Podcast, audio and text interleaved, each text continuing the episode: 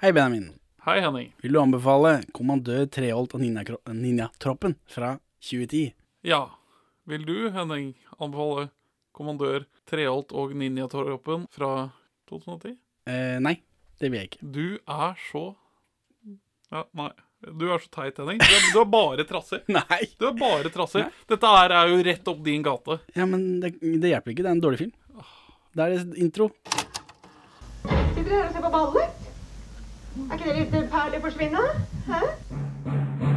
Kom inn her så vi kan få snakka. Det er så mye folk der ute. Og så kommer du dissende med en geléklump til middag. Drammen og baklengs inn i fuglekassen. Dette her er jo perleforsvinn!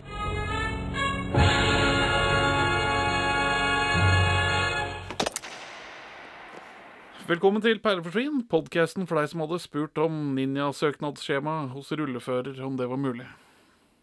Vi er to middelmådige menn i 30-åra som ser norske filmperler, og i dag så har vel Vi har satt for oss et prosjekt, eh, og jeg hører folk der ute, ja, eh, mot i brøstet, mot i brøstet, hvor er mot i brøstet? Jo, det skal jeg si det. Vi ligger såpass bakpå at jeg rekker ikke å lese bøkene jeg må gjøre. Jeg, kan, jeg føler ikke at jeg kan bare gå på mot i brøstet. Nå har vi jo preppa masse med har sett masse eh, relevante eh, sitcoms og sånt noe fra eh, norsk historie, men hver eneste episode er Jeg har ikke tid, jeg må klippe episoder så vi får det ut. Vi ligger bakpå hele tida, så jeg rekker ikke å lese bøkene som jeg må. Så, men jeg har det Det ligger foran i bakhuet, i forhuet. Jeg skal gjøre det. Men det, det prosjektet vi har i dag, er Vi så Sebastians verden her eh, i fjor, vel?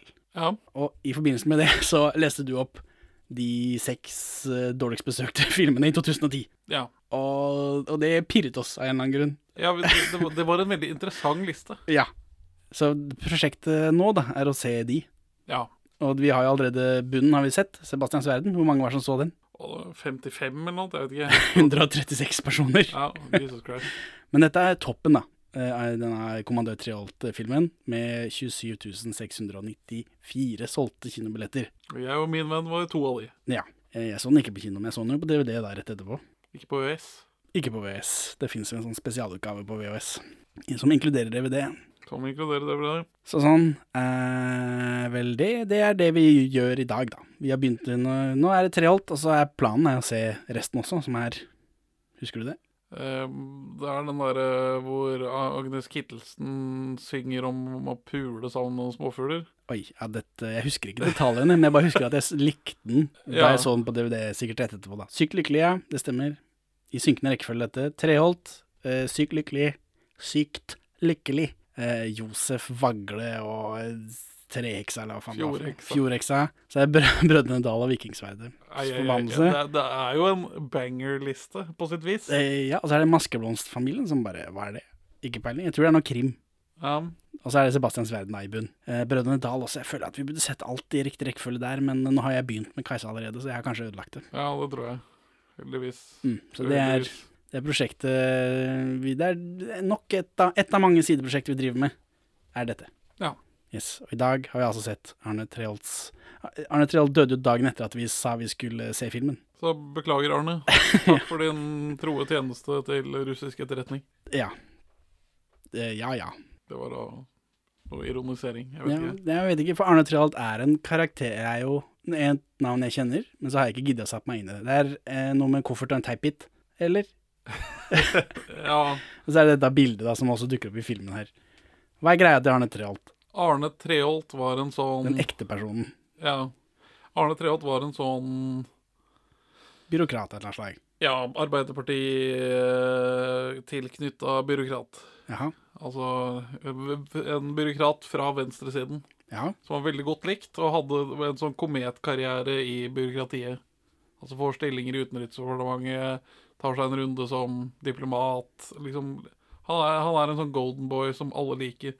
Og det så jeg noen som kjente han på Twitter, en, eh, en av disse Heger-brødrene. Og det er det som er vanskelig å forstå Det som er vanskelig å forstå når man ser Arne Treholt-saken i ettertid, er hvor vanskelig det var for folk. For han var så ekstremt godt likt. Han var en veldig hyggelig fyr. ja, for det dukker opp i filmen her òg. Det kom en referanse til Treholts gode venner. Og de dukket jo opp i hopetall da han døde, og skulle liksom forsvare ham igjen. Kjemperart. Eller Nå kjenner ikke jeg saken. Som sagt, jeg har ikke giddet å sette meg inn i det. Det er så mye annet jeg må kunne. Nei. Men derfor har jeg, derfor har jeg deg. Det, det Jeg, altså Det, det er, Vi er på toppen av den kalde krigen, liksom. Det er ikke 80-tallet han blir tatt, da. Jo, 82? Nei, ikke peiling. Jeg tror, tror det er 82 i hvert fall. Arne Treholt blir arrestert i 1984. Og det er liksom øh, øh, Kalde krigen er vel nærmest å bli På 80-tallet så får den en ny sånn varmepeak, og det er når eh, russ, øh, Hvor Sovjet er kjemperedde for at A- Able Archer-øvelsen skal bare være et dekke for et eh, angrep på Sovjet før de rekker å respondere. Så det er, det er, det er, den kalde krigen er fortsatt hett. Gorbatsjov har ikke sluppet lufta ut av ballongen ennå. Mr. Gorbatsjov, tear down this ball. Beer Reagan, osv. Ja, men Arne Treholt fremstiller vel eller, Først, når Arne Treholt blir tatt, så sier han ja, jeg har gjort alt dette her. Og så endrer han vel storyen sin til at jeg har bare brukt mine diplomatiske evner til å prøve å holde åpen kanal, en kanal en vennskapelig kanal mellom øst og vest. Jeg har bare holdt det hemmelig for alle jeg jobber sammen med, og mottalt penger fra Men vet vi hva han ga, da? Eller fikk han penger for eh, ikke noe? Uh, Det er vel fortsatt hemmeligstemplet, så det er litt vanskelig å vite. Ja. Men uh, jeg, har, jeg sitter faktisk på noe insiderinformasjon i denne saken her. Oh, ja, Men er det hemmeligstemplet for deg òg? For det- podkasten må det være lov. Det er lov på podcast. Uh, nei, jeg Jeg har hørt det fra noen. Fra Arne Trilt sjæl. Og jeg antar han ikke kommer til å havne i problem for det nå så lenge etterpå. Men e- en av tingene som var, ble, ble litt eh, kontroversielt, var at mens han var under etterforskning, så søkte han om å ta noen kurs på krigsskolen, slik jeg forstår. Ja, du ser på meg som jeg skal vite noe om dette, men nei, jeg kan Ja. ingenting. Eh, Arne Treholt spion og Kypros er det eneste jeg vet. Uh, og så ble det da at det var, Da ble det kritisert at man ga han plass, selv om man var redd for at han skulle lekke da denne konfidensielle Nato top secret-informasjonen som han da ville fått tak i. Mens min kontakt i krigsskolen, som var en av lærerne til Arne Treholt da, sa at de forberedte seg på dette og lagde et falskt pensum til hans klasser. Og så måtte de da si til alle de andre som hadde tatt det kurset etterpå, at bare sånn «Øh, Se bort fra dette, er dere stille? Du vet ikke hva han ga bort. Nei, han, han skal ha gitt Om noe. Han skal ha gitt bort hemmeligheter. Og så er det da som er Ga han bort hemmeligheter som Sovjet allerede uansett visste, eller som ikke Ja, var noe farlig? For det sitter jeg og tenker på, at hvor hemmelig kan det være, liksom? Lille Norge, Store Sovjet osv. Eh, men uansett, altså det å få betalt av liksom mo av motstanderen for å være venner med de, det, det, det er litt muffens. Han, han jobber også for irakisk etterretning og får penger fra de. Og det er liksom Ja, nei. Så døde han jo i Moskva, så det, det er supershady. Det er ganske shady, ja. Men skal vi se Han uh, Resi uh, Sjøl, han har noen kommentarer her. Ja, men jeg prøvde å se på, for det følger jo med noe i intervjuer og noe greier på den DVD-en. Men han, som denne filmen, er jo eh, Det er så mange lag med ironi på alt det han lirer av seg, så det er umulig å liksom få noe Å forstå hva han vil. Og hvem er det han kjenner, egentlig?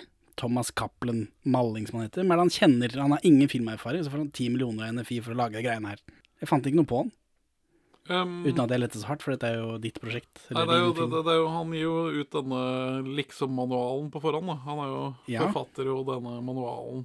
Ja, men Sebastians verden, der også, regissøren der òg, han ga, ga ut en bok, og så Ja. fikk han masse penger. Men han vet vi hvordan han fikk pengene, eller hvorfor han fikk disse pengene. Det er fordi han lurer og, og lyver.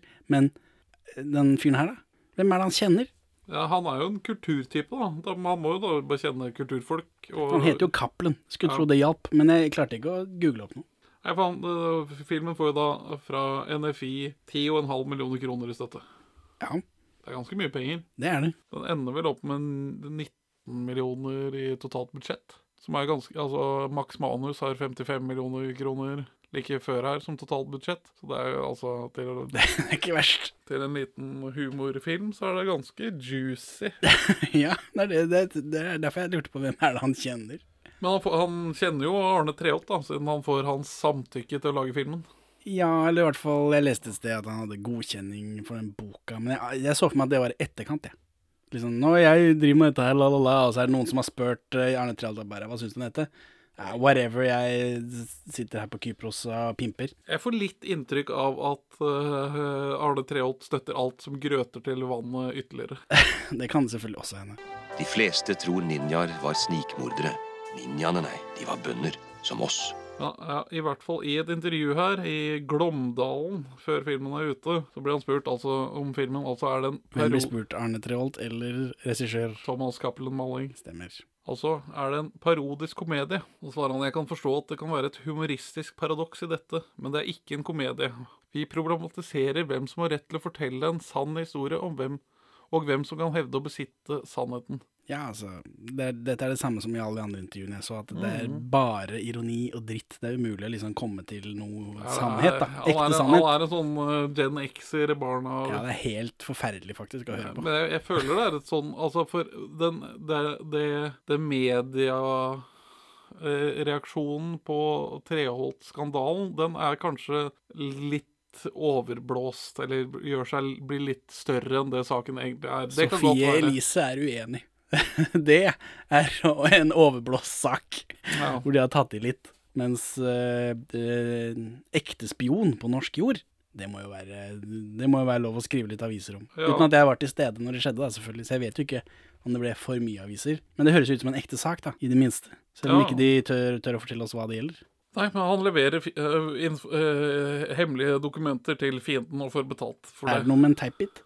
Eh, ja, Hvor har jeg det fra? det Arne Treholt sitt forsvar eh, går på at han mener vel at eh, politiet eller PST eller en eller annen organisasjon har brutt seg inn i greiene hans og eh, plantet penger på han. Jaha, ja. Så det er noe, det er, det er, og han mener at og, og, og så er det sånn Nei, nei, bildet, bildet viser at det er for mye penger. Jeg kan ikke ha fått mer enn 13 000 dollar. Så og på det bildet her er det 26 000. Så det, det er sånn Ja, OK. Men det, hva, hva har det å si? Det er Ja. bare Ok, det var det den teipbiten var. Ja, for han ryker jo i buret til slutt, og så sitter han i åtte år, tror jeg. ja, Kommer ut på 90-tallet en eller annen gang. på, av helseårsaker, men vel også fordi den kalde krigen er over. Kanskje. Vi vant Suckers. Ja, tja. Så er det denne boka, da. Ja. Det er sikkert viktig å få med seg. Lusketeknikk. trykket til ca. 5000 eksemplarer. Og det er da Ninjateknikk 2, usynlighet i strid, 1978, av kommandør Arne Treholt. Og det er da, det er da en ninjamanual gjort i samme stil som Forsvarets manualer for perioden. Så det er et sånt Ja, Nok et ironi, en ironiblekke. dette er kjempemorsomt.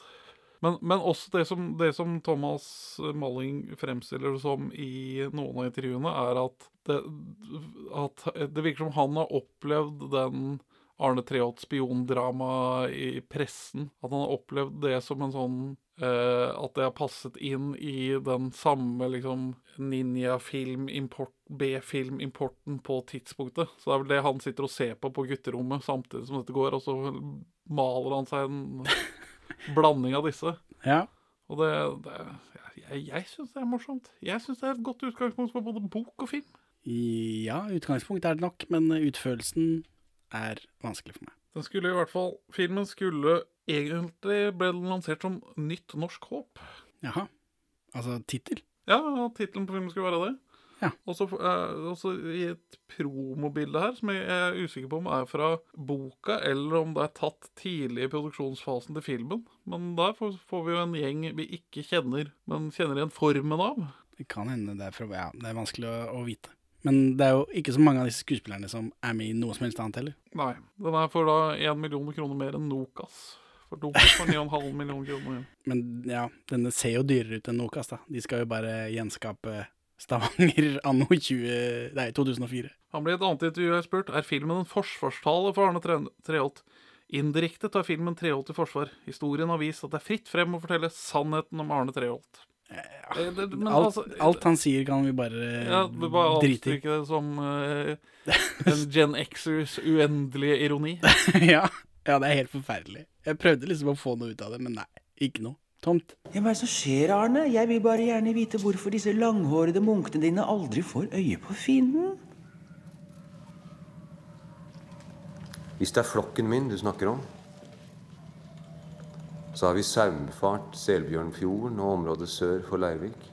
Valfart av Skånevikfjorden og innløpet til Høylandssundet. Og nå klarert Husnesfjorden i Hardangerfjorden. Og bortsett fra en helsikes tresmak i ræva, så kan jeg igjen rapportere at det ikke er noen russiske ubåter noe jævla sted. Hvordan er Arne Treholt tilknyttet Hostel Cæsar? Han har vel bodd der, da. Vet ikke, han sjekker vel inn på Hotel Cæsar på et eller annet tidspunkt. Forundrer meg ikke. Ha, Nei, eh, vi får en eh, Arne Treholt er jo gift på tidspunktet hvor han eh, ryker inn. Ja. Og hans kone blir meget, meget forbanna pga. dette dobbeltlivet han har levd, og skriver to bøker om hvordan det var å leve gjennom først den rettsprosessen, og hvordan det var å leve sammen med han altså før dette skjedde, hvordan det var å leve da eh, mens han satt inne, og hun hadde satt igjen med sønnen hans på fem år, som må forklare hvorfor pappa er i fengsel. Den, den boken heter da God tur til Paris, som var da det siste hun sa til han før han ble, dro til Fornebu og ble pågrepet. Ja. Men det er da TV-journalisten Kari Storekre som senere flytter til Sverige, der hun gifter seg med TV-programlederen og produsenten Åke Wilhelmsson. Og sammen startet de Nordic Channel, som ble til TV5, som er da kanalen som produserte Hotell Seger i Sverige. Ok.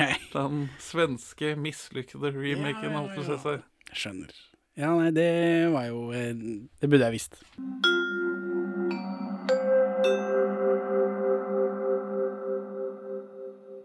Overvåkningspolitiet har pågrepet Arne Treholt og siktet han for ulovlig etterretningsvirksomhet til fordel for en fremmed makt. Treholt ble pågrepet på Fornebu idet han var i ferd med å reise til et møte med representanter for den sovjetiske etterretningsorganisasjonen KGB i Paris, og dette får Dagsrevyen opplyst. Ta meg på en reise, Benjamin. Skrell tilbake noen lag i denne ironiløken, og fortell meg, hva skjer? Jeg, jeg, jeg skjønner Altså, du, vi tar jo det sikkert til slutt, da. Men jeg, jeg hadde trodd dette er en film som skulle treffe deg um, rett i hjertet. Altså, det er en B-film-homasj som drukner i referanser. Ja, altså, skal vi ta slutten med en gang, liksom? Er det det du Nei, vil? ja, ja, Det var deilig for meg bare å få avklart hvorfor hva, hva er det som ikke Hva er det denne ikke får til? For denne her er jo Det er alle, dårlig. det er alle disse Ja, det er det. Jeg liker ikke dårlige gåsetegnfilmer. Grindhouse, eh, den der eh, Rodriguez Tarantino-greiene. Det er dritt. For her, de lager film, og så hvis det blir bra, så sier de 'jeg var ikke det en bra film'? Og så, hvis det er dårlig, så sier de 'det var med vilje'. Og det, det kan ikke jeg være med på. Ok, så da, du, har- du har et sånt uh, autistisk uh, aversjon mot Mot å, lage, Mot å mot å lage- lage dårlige filmer med vilje, ja, det liker jeg ikke. Men, Ja, det- men her også så er ironilaget er så tykt at jeg kommer ikke til meningen med filmen. Hvorfor eksisterer denne filmen? Jeg forstår det ikke. Nei, okay, så Hva er, hva er det filmen vil si?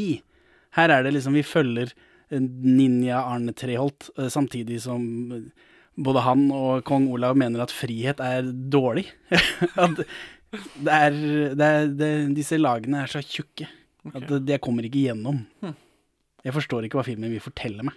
Jeg, jeg, føler filmen bare gjør humor på de, disse kanskje litt flåsete moralene i sånne østlige kung fu-filmer. Da. At man prøver å applisere det til da den norske folkesjela, og så ender man opp med et sånt rart sam- sammensurium. Og så skal Ja, nei. Ja, men det kan jeg. Jeg har kanskje ikke sett nok eh, dårlige ninjafilmer fra 80-tallet. Men ja, øh, øh, ja, ja, jeg har heller egentlig ikke den referanserammen til å nyte en kung fu B-filmparodi. For jeg, var, jeg er ikke Jeg er millennial, jeg. Men sett, det er jo en del oppfinnsom galskap her som jeg kan like. Sånn som når Arne Treholt kaster klær på humla, for eksempel. Disse håndbevegelsene. Ja, men, øhm, jeg, men Kong Fury, denne kortfilmen, har du sett den? For den gjør mye av det samme, bare det fungerer. Og jeg er ikke helt sikker på hvorfor, da, for jeg har ikke sett den en gang til. Jeg ble usikker. Det, det er mye det samme. 80-tallet, og han er en sånn ninja-kopp.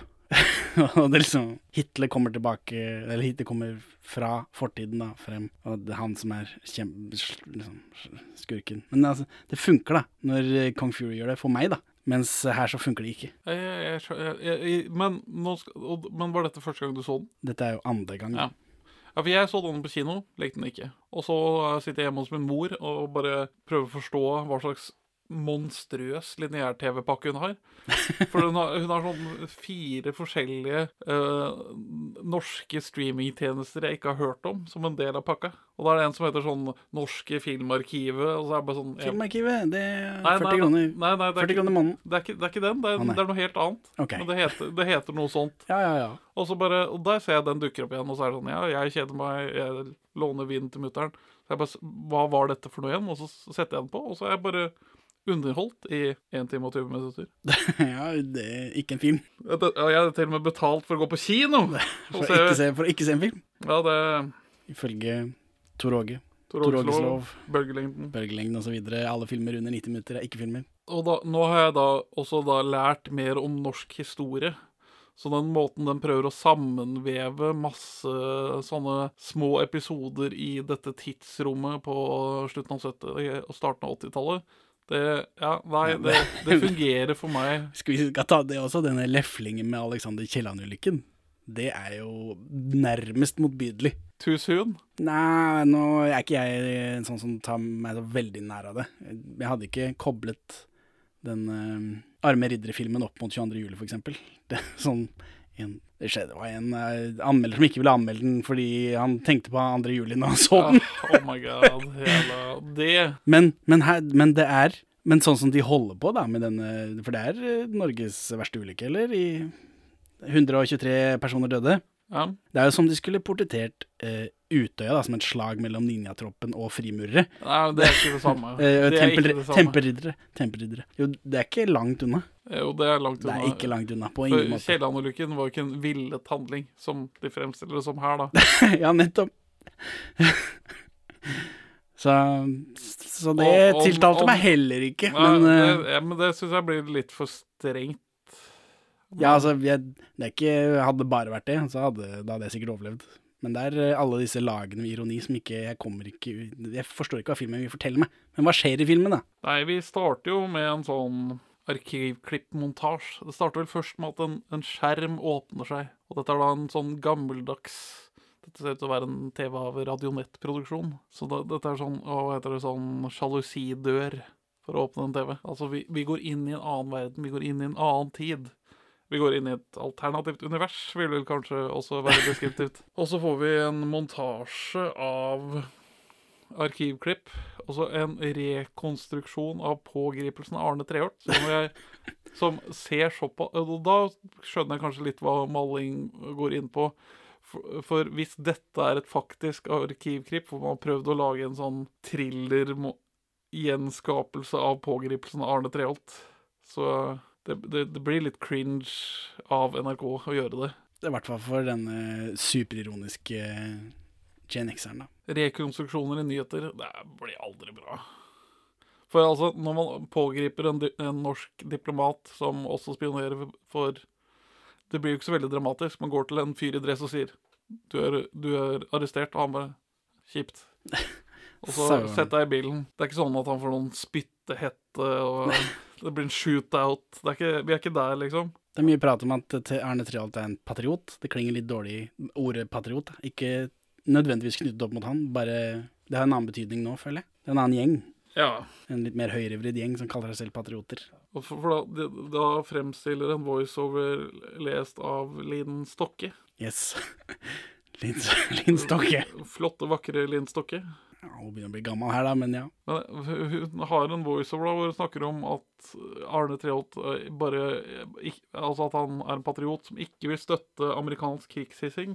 Han vil støtte de norske livslovene og vennskap over landegrensene. Ja, men samtidig så er liksom personlig frihet, det er- noe dritt. Og så er det de merkelappene som ble satt på han, da. Altså Norges største landsforræder. Mm, vet ikke helt, det. Jeg har en annen fyr litt høyere på lista der. Ja, men han er jo død på tidspunktet. Um, Quisling. Da snakker vi om Quisling. Ja. Og så får vi en sånn den sanne historien. Og så får vi en fade over i en opplysningsvideo produsert i 1977. ja, si filmen, ja. Ja, og så starter den med vakre kvinner som går opp av vannet. Og så blir vi introdusert for ninjatroppens base. ja, som er en modell. Ja, Og det, det liker jeg. Det liker du. Ja. Det liker du. Ja. Det liker du. Ja, jeg liker modellbruken og liksom Men det skal jo sies da at det, det ironilaget er så tykt at det blir vanskelig å se på, og fargefiltrene gjør filmen faktisk vanskelig å se på. Ja, tidvis blir det litt meget, ja. For denne filmen er jo, den er jo filmet med en faksmaskin for ironisk effekt. At det skal se dritt ut, og det er helt utrolig slitsomt å se på. Ja, det, det, de har filma en del på 8 mm kamera til bakom filmen, så jeg har lagt ut på YouTube. i hvert fall. Ja, men som sagt, filma med faksmaskin, ikke bra. Jeg liker den røde scenen. Vi kommer til scenen. Ja. Men, eh, men fargefilteret, det er, det er tungt. Ja. Og, og så, ja, det blir jo noe ironi over Så får vi da Arne Treholt, spilt av Mats Austdal. Mats Austdal. Sønn av Sverre Anker. Det stemmer. Austdal. ja. Eh, og det er en uh, Jeg syns det er en helt knall casting. Han gjør en veldig flott figur som At han ligner, syns du? Nei, nei, nei. Eller- Eller, den, den patosen han får inn i den ninjamester Arne Treholt det gir... som sånn Igjen, da, så er ironien så tykk. Jeg, jeg koser meg helt uten å tenke så mye på ironien. jeg. Altså bare ideen om Arne Treholt som ninjahelt. Ja, men jeg kommer ikke inn på han heller. På denne karakteren Arne Treholt, da. Han er jo en idealist og eh, ja, mystiker. ja, men det, det er vanskelig. Hva, hva er de norske livslovene? Nei, det husker jeg ikke farta. Sjølberging og selvråderett. Ja, men- det er liksom det, det Det er det Arne Treholt kjemper for. over. Og derfor er han Han er ikke, han er ikke pro-Sovjet, han men han er anti-USA. For det er de som prøver å ødelegge for denne sjølbergingen og selvråderetten. Ja. De, hvis Sovjet skulle invadere, så skulle man vi ninja fikse biffen sjøl. Eh, men ja, i denne opplysningsvideoen så ble vi da for, eh, introdusert for Gressholmen, som tidligere var kjent for å være et sånt kaninreservat også. ja vel. Det er mye dyr der. Ja, det er veldig, veldig mye dyr på Gressholmen. Ja, for effektene og kamerabruken er nydelig til filmen, men filmen er eh, vanskelig for meg å se på. Ja, så de, de lever i liksom harmoni med naturen på Gressholmen. Fritt fra en bilfri øy, fri fra overkompensering. Ja. Liksom storbyens kjas og mas. Og så har vi vel I noen klipp så ser vi vel denne modellen av Oslo i bakgrunnen. Som er også liksom veldig dårlig på et sånt ekstremt sjarmerende vis. Ja, Jeg men det, er akkurat den modellen likte jeg når vi først ser den der gressholmen fra oven, og bare OK, wow.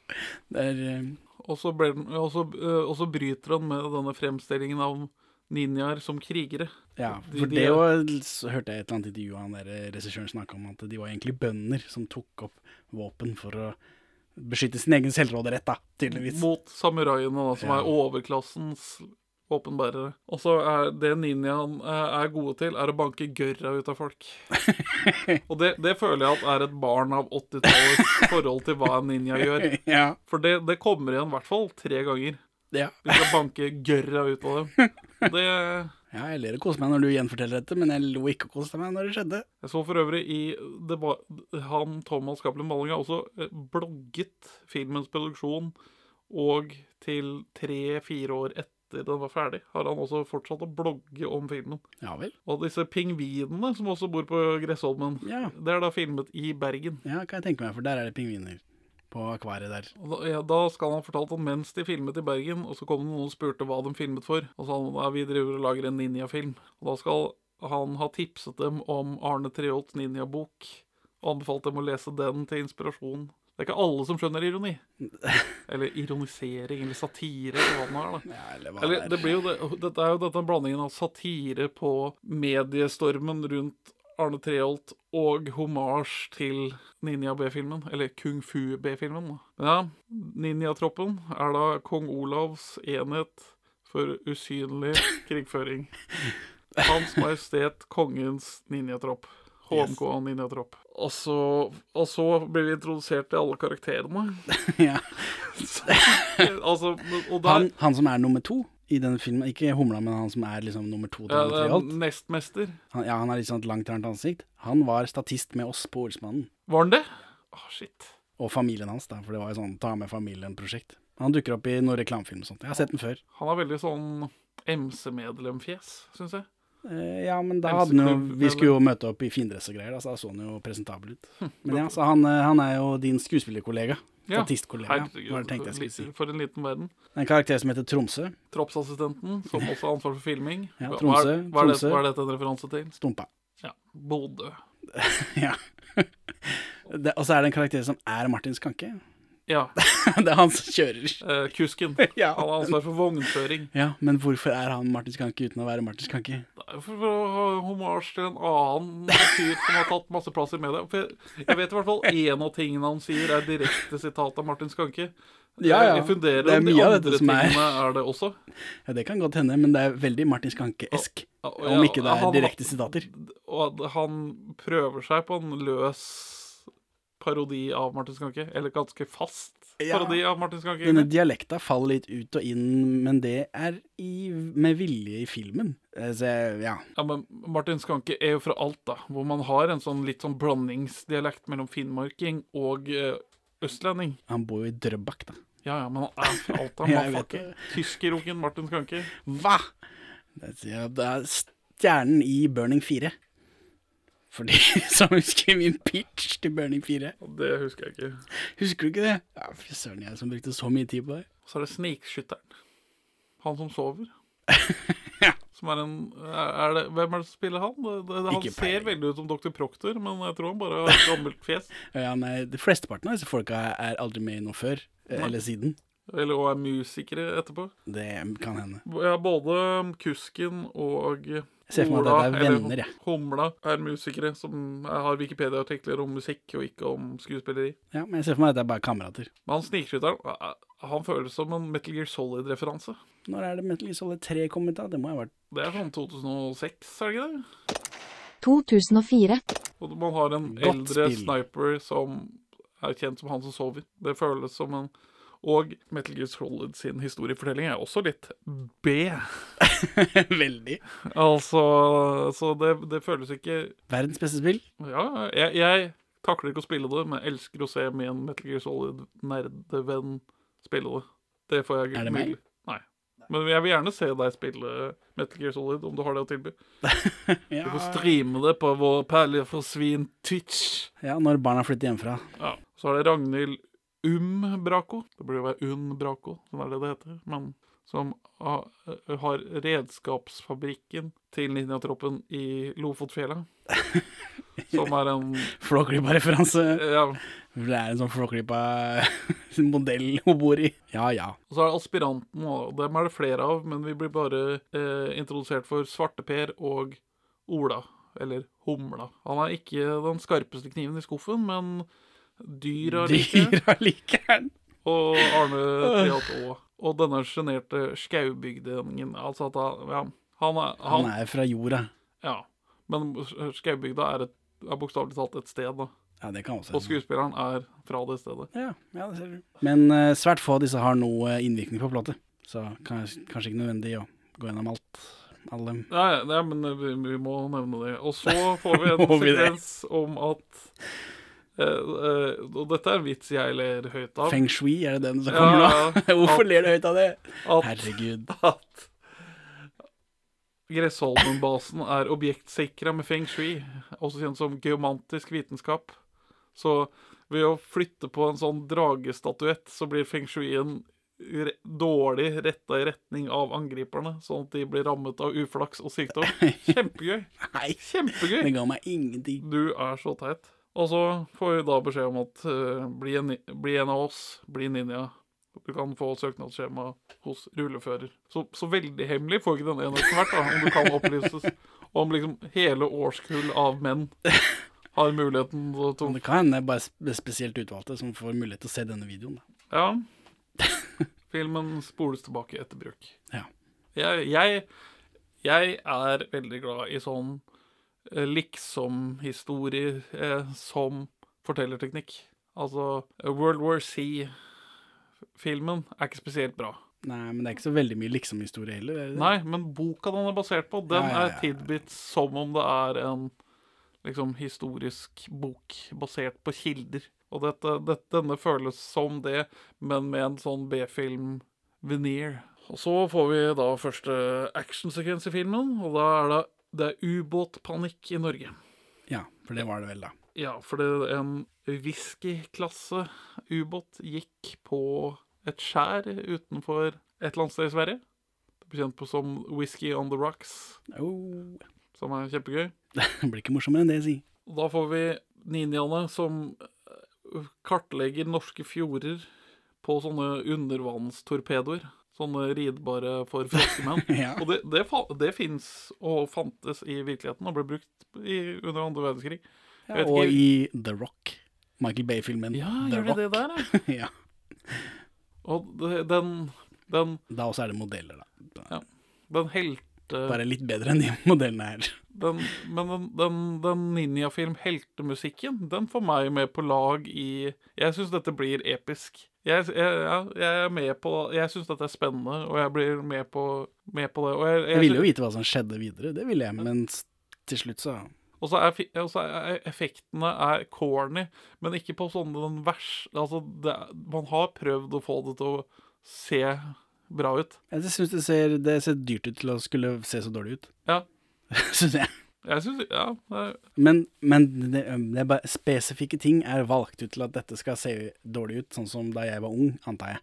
Mens resten, sånn som når de står foran denne trålen og alt dette greiene, det er jo laget for at det skal se ut som de gjør det. Mens den der torpedoen og sånt nå, det skal se dumt ut. ja, men jeg, syns ikke det skal se for dumt ut. Synes Nei, ikke det, superduperdumt, men det skal se, du, der skal du se at det er fake. Ja, ja, Mens men- denne, de står foran en sånn fisketroll. Ja. Det skal liksom ikke se fake ut. For i noen sånne liksom-B-filmer så gjør man det liksom sånn ekstremt dårlig. Og da faller jeg av. Mens her føler jeg at det er gjort med en sånn kjærlighet til praktiske effekter. Og dette er jo da tolv år etter den praktiske effektens død. Altså, praktiske effekter piker i 1997. Og så tar kjempedårlig 3D-grafikk over. Hva skjer i 1997? Eh, Starship Troopers og Det femte element kommer ut. Hva er det egentlig å være patriot? Er det å være den som blindt støtter amerikansk krigshissing og gir vennlige naboland en kald skulder? Eller er det å være den som kjemper for de norske livslovene og som inviterer til vennskap på tvers av landegrensene?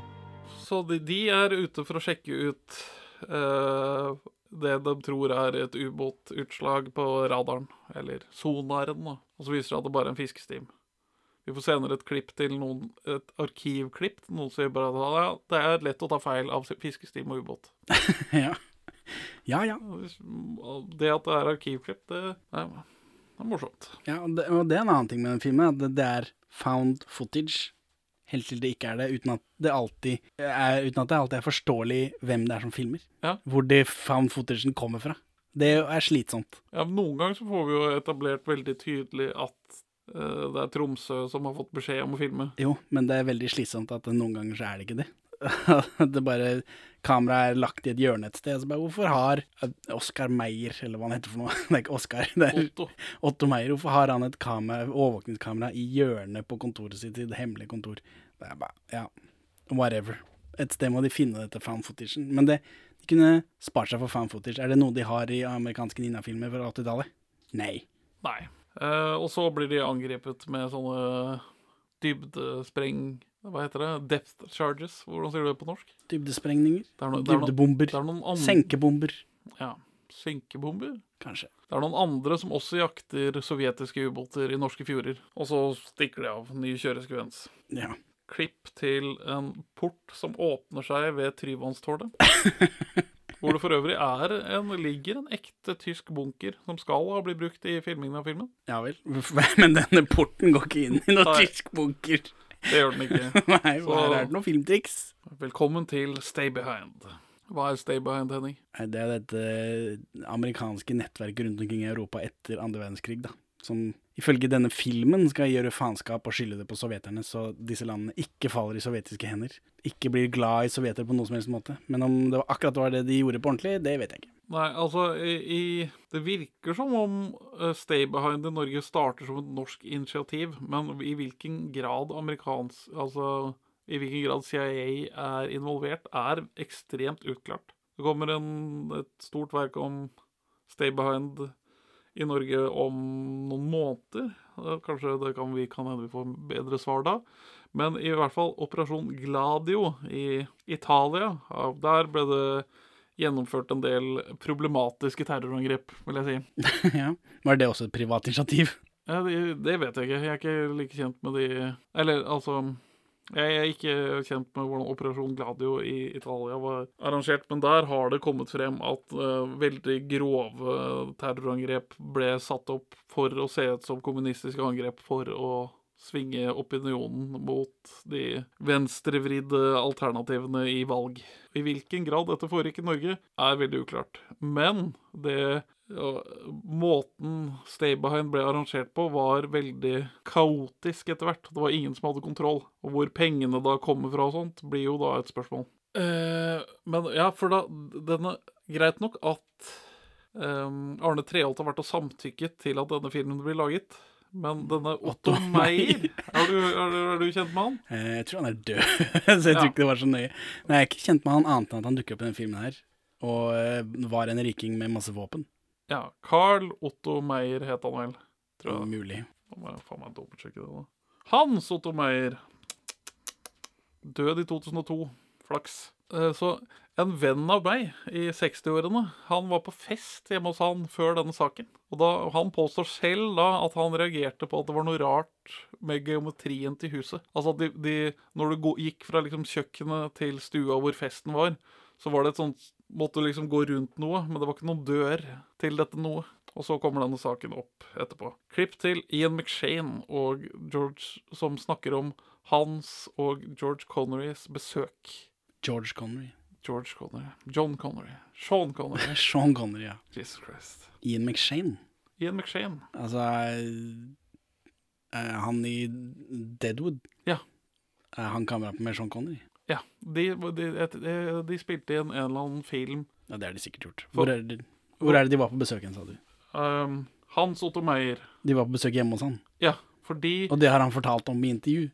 Nei, det har han fortalt om i eller sånn minnesgalla, eller sånn hyllestgalla for Sean Connery. Ja. Da, Klipp til uh, Ian McShane. Dette har ikke jeg hørt. nei, så Hans Otto Meyer var en norsk skipsreder og forretningsmann og etterretningsmann, som annet dreiv uh, charterflyselskapet May Air. Ja, bra. Godt branding. Ja, Ian McShane forteller bedre. I, I- I'm 1974, the place, Oslo, Norway, the film The Terrorists, the weather, freezing. Sean and I were doing this film about terrorists, and 40% of it took place on an aeroplane. And, uh, you know, they got this airplane from this rich guy in Norway, Mr. Mayer. And as usual, they shill the actors, get you out there to schmooze up to the guy that's, you know, giving a lot of money towards the film. So we're having dinner. And we're at this big table, and he's, what, you are eating? What is under the glass table? And the, on the table, you're eating that? And uh, everybody's, you know, whacking back the homemade wine or whatever. And he says, now downstairs for the entertainment. So we leave, and he says, Sean, come with me and Mr. McShane. So we go down. There's a little cupboard. He opens it, and inside this broom cupboard is uh, M16s, M25s, bazookas, rifles, boxes of grenades. He turns, he says, I also have uh, two tanks in the country. We were caught napping in 42. We won't be caught napping again, you know? Men i 1978 så blir, han, blir politiet tipset om at det er en spritfabrikk på en eiendom han eier. Men istedenfor sprit, så finner de der våpen. Eh, det, nei, de finner en spritfabrikk på eiendommen hans, og så prøver de å bortforklare det, og så går det kjempedårlig. Og da bestemmer de seg for å ransake hans private bolig i Oslo. Og da finner de sinnssykt mye våpen. Og da sier han 'ring til eh, denne etterretningsoffiseren', og denne saken vil bli, bli ute av verden. Men da bæsjer etterretningsoffiseren i buksa, tror jeg, og så prøver først eh, Forsvaret å benekte for at de har noe med han å gjøre. Men så klarer de ikke det i det lange løp. Og så blir liksom denne stay behind Det ble funnet eh, våpen, ammunisjon til mer enn 100 mann. Og han har også en, en avans- avansert radiosamband hvor, med en skjult antenne i pipen som går opp ved sending. Så det er veldig sånn Det er veldig James Bond-aktig. ja, men James Bond fra 60-tallet. Han dør en bitter mann for å ha blitt forlatt av etterretningstjenesten i stikken. Forståelig. Men samtidig fryktelig rik, antar jeg, så det kan ikke være så gærent. Men dette var i 78, fordi mye av dette her er jo på 80-tallet. Ja. Så han er Eh. tatt allerede i den, i den virkeligheten. Ja. Å, lureri. Men det, ja, de har sausa sammen en del tidspunkter. Det er ikke å komme unna. Og han er da spilt av Eh, ja, John Eggern. Ja. Men han heter bare Otto Meyer her, da, for å fjerne han litt fra den originale figuren, tror jeg. Nei, hvem vet. For nå er det en, denne Stay Behind-basen under bakken her. Ja, Sånn. Vi er da 30 etasjer under bakken. Ja, men Arne Treholt bare går inn dit fordi han er en sånn luske... De, de har et sånt antagonistisk vennlig forhold? Spørsmålstegn? Ja, de, de jobber jo begge for øh, De jobber jo begge i hemmelige tjenester. Som Ja. er underlagt kongen, i hvert Ja. fall sånn i teorien. Er, og Stay er også underlagt kongen, for det virker ikke som i denne filmen. Eh, nei, de, de virker til å lystre CIA i større grad enn de lystrer norske myndigheter. Ja, for de vil jo drepe Arne Treholt, eller ta han, da. Ikke drepe, men ta han. Ja, men det er fordi han, han drar i litt andre retninger enn de. De vil jo Men hvorfor er de så gode venner? Slash eh, Hvorfor er de så Han Arne Treholt går bare ned i denne hemmelige basen deres. Men han puffer jo seg inn, og han, han Ja, han poffer seg ut. Han slår jo på skjermen for å få liksom, godkjenning. Jeg tror ikke han har lov til å gå inn der, men at han likevel gjør det. Men, ja, men altså, tanken med Stay Behind er at nå vet vi hvordan det gikk når forrige gang Norge ble besatt. Det tok oss fire år å bygge opp en slagkraftig motstandsbevegelse. Så tanken med Stay Behind er å ha en motstandsbevegelse allerede klar til når besettelsen kommer, så du slipper dette problematiske å organisere noe mens en totalitær stat har tatt over. Så da, det er jo, du har jo Blue Mix, og du har Rocambole Det er masse sånne kule kallenavn på disse. Rocambole. Det er han i Den forsvunne pølsemaker. Ja. Og eh, det var ikke det den norske delen av Stay Behind? Det heter jo ikke Stay Behind på ordentlig. Og det, det er da spesifikt i den norske organiseringen av de det er, Jeg tror det er Rocambole som har Sikkert oppkalt etter han eh, som skrev Den forsvunne pølsemakeren. Det er jeg 100 millioner prosent overbevist om. Gorgonzola. Ja, for de har et sånn uh, operasjonshovedkvarter med masse eldre menn. Ja, og noen ra- blant annet han ene fyren fra Portveien 2, han som spiller Sweetness i Sweetwater. Ja. Terje. Tysdal. Nei, det tror jeg ikke. Terje Portveien 2, tror jeg det er. Ikke Jarl Goli. Hva er det der for noe? Det er feltmanualen til Stay Behind. Eh, Det står her at eh, utenlandske regjeringer ser gjerne passivt på kommunistisk undergraving. og Derfor iverksetter vi falske terroroperasjoner for å minne dem om eh, Falske trusselen. terroroperasjoner, hva har det med ubåter å gjøre? Er driver norsk stay behind med dette her også? Ja, altså, Stay Behind i alle Nato-landa eh, følger dette her. Det handler om å skremme eh, velgerne ned i lomma på den makta som rår. Yes, der nede, masse menn, skjermer. Eh, vi blir introdusert for eh, Jon Øigarden og Arne Treholt. Sier hei, hei, hei, du er dum. Nei, du er dummere. Og så går han. Ja. Ikke med de ordene. Han er, han, er, han er mot denne demoniseringen av uh, Sovjet. At det, når det er be- ubegrunnet sånn fryktjaging, det er ikke i, forhold, i henhold til dette litt mer rolige ninja-perspektivet på verden.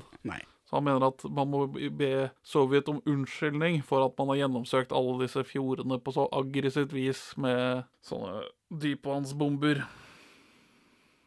Og så får vi da en sånn introduksjonsvideo om Stay Behind Eller Stay Behind sin egen Og det, og det her, er vel, her er vel ikke ironien så veldig tjukk, tror jeg. Det er bare sånn Bi, Ville du drept noen få hundre for å redde alle nordmenn? Her er det ikke så tykt, men det er den eh, Arne Treholt-biten hvor de er helter og samtidig mot personlig frihet. De sier mange fæle ting i, samtidig som de står omgitt av rådyr. det er liksom jeg, jeg forstår det ikke. Ja, det, altså, her er det sånn Vi har siden begynnelsen drept noen tusen europeere, men til gjengjeld så har dette skapt frykt for kommunismen og samlet oss mot Ja, tilbake til Gressholmen. Da er det kong Olav er på besøk for å inspisere troppene. Det, hva syns du om eh, portrettet av eh, idioten kong Olav? Du det er- setter jeg pris på, at han er idiot. For du har, men du har et nær, nærere forhold til arkivklipp av kong Olav enn det jeg har. Hva syns du om, om Trond-Viggo Torgersens eh, tolkning av kong Olav? Dette er jo en gammel idiot, da. De, de arkivklippene fra Filmavisen, der er han jo ja, i 40-åra riktignok, men eh, For her er han en, en Han kan jo bli til støv når som helst. Han virker jo ordentlig gammel og, og fjollete. Men kong Olav jo, har jo også et rykte på seg for å være veldig antikrig, sånn på sine senere dager. Det er jo Ingen Jeg kjenner ingen rykter om kong Olav. Nei, men vår ærede konge i dag, Harald, i, som er, står alles hjerte så nærme, han Åssen er det vi avslutter alle episoder nå? Jeg skal begynne å sensurere deg. um, han har vel vært ute og sagt av at det var Gulfkrigen som Ja, drepte kong Olav. Ja, Frykt for tredje verdenskrig, det ville han ikke være med på, så da døde han bare. Patriot, patriotisk og fint. Men han blir så stressa. Han har ikke hjertet hans hadde ikke godt. Han er. Ja, men jeg syns han Jeg, jeg syns uh, Hadde han, bare, hadde han bare hatt en sånn medaljong som sjaman Durek selger, så hadde han ikke hatt ja, noen er- problemer. Det er sant. det er sant Men jeg syns Trond-Viggo Torgersen har gjør en sjarmerende eh, tolkning av en sånn idiot-kong Olav. Da. Altså Ja. litt sånn flåsete, egenrådig type. Ja, med masse sånn dumme det, Hva heter det? Visdomsord, da. Som de spiller i reprise på slutten. Ja, ja. Som om det har noe å si. Ja, Det jeg, syns jeg, det setter jeg pris på. ja bra. For det er ikke alle vitsene som liksom faller eh, Som jeg ikke tar eh, Som ikke har noe glede av, men helheten, som jo er det vi anmelder her. Da er vi lei av å bli evakuert eh, hver gang den her jævla ubåtalarmen går. Jeg har ikke sett noen ubåter, har dere? Hold kjeft gutta, spesielt Benjamin, dere maser jo som lokomotiv. Denne episoden blir for lang så vi får dele den i to, ha det bra. Ninjarobot ut. Takk for at du hører på Perler for svin. Vi er mest aktive på Twitter, perler for svin, men vi er å få tak i på Facebook også, perler for svin pod i ett ord. Vi svarer på Messenger selv om siden ser død ut. Vi har egen hjemmeside, perleforsvin.no. Her finner du også episode 1 til 27, og vi er tilgjengelig på mail på perleforsvinpod at gmail.com. Gi oss en rating i din podcast-avspiller, og legg igjen en eh, anmeldelse så folk skjønner hva for noe tull vi egentlig driver med. Og for øvrig, legg ned kongehuset. Her er ukas Pål Bang-Hansen-sitat ute av kontekst. På videokassett har vi sett alle disse versjonene av brevfilmen presset inn på skjerm,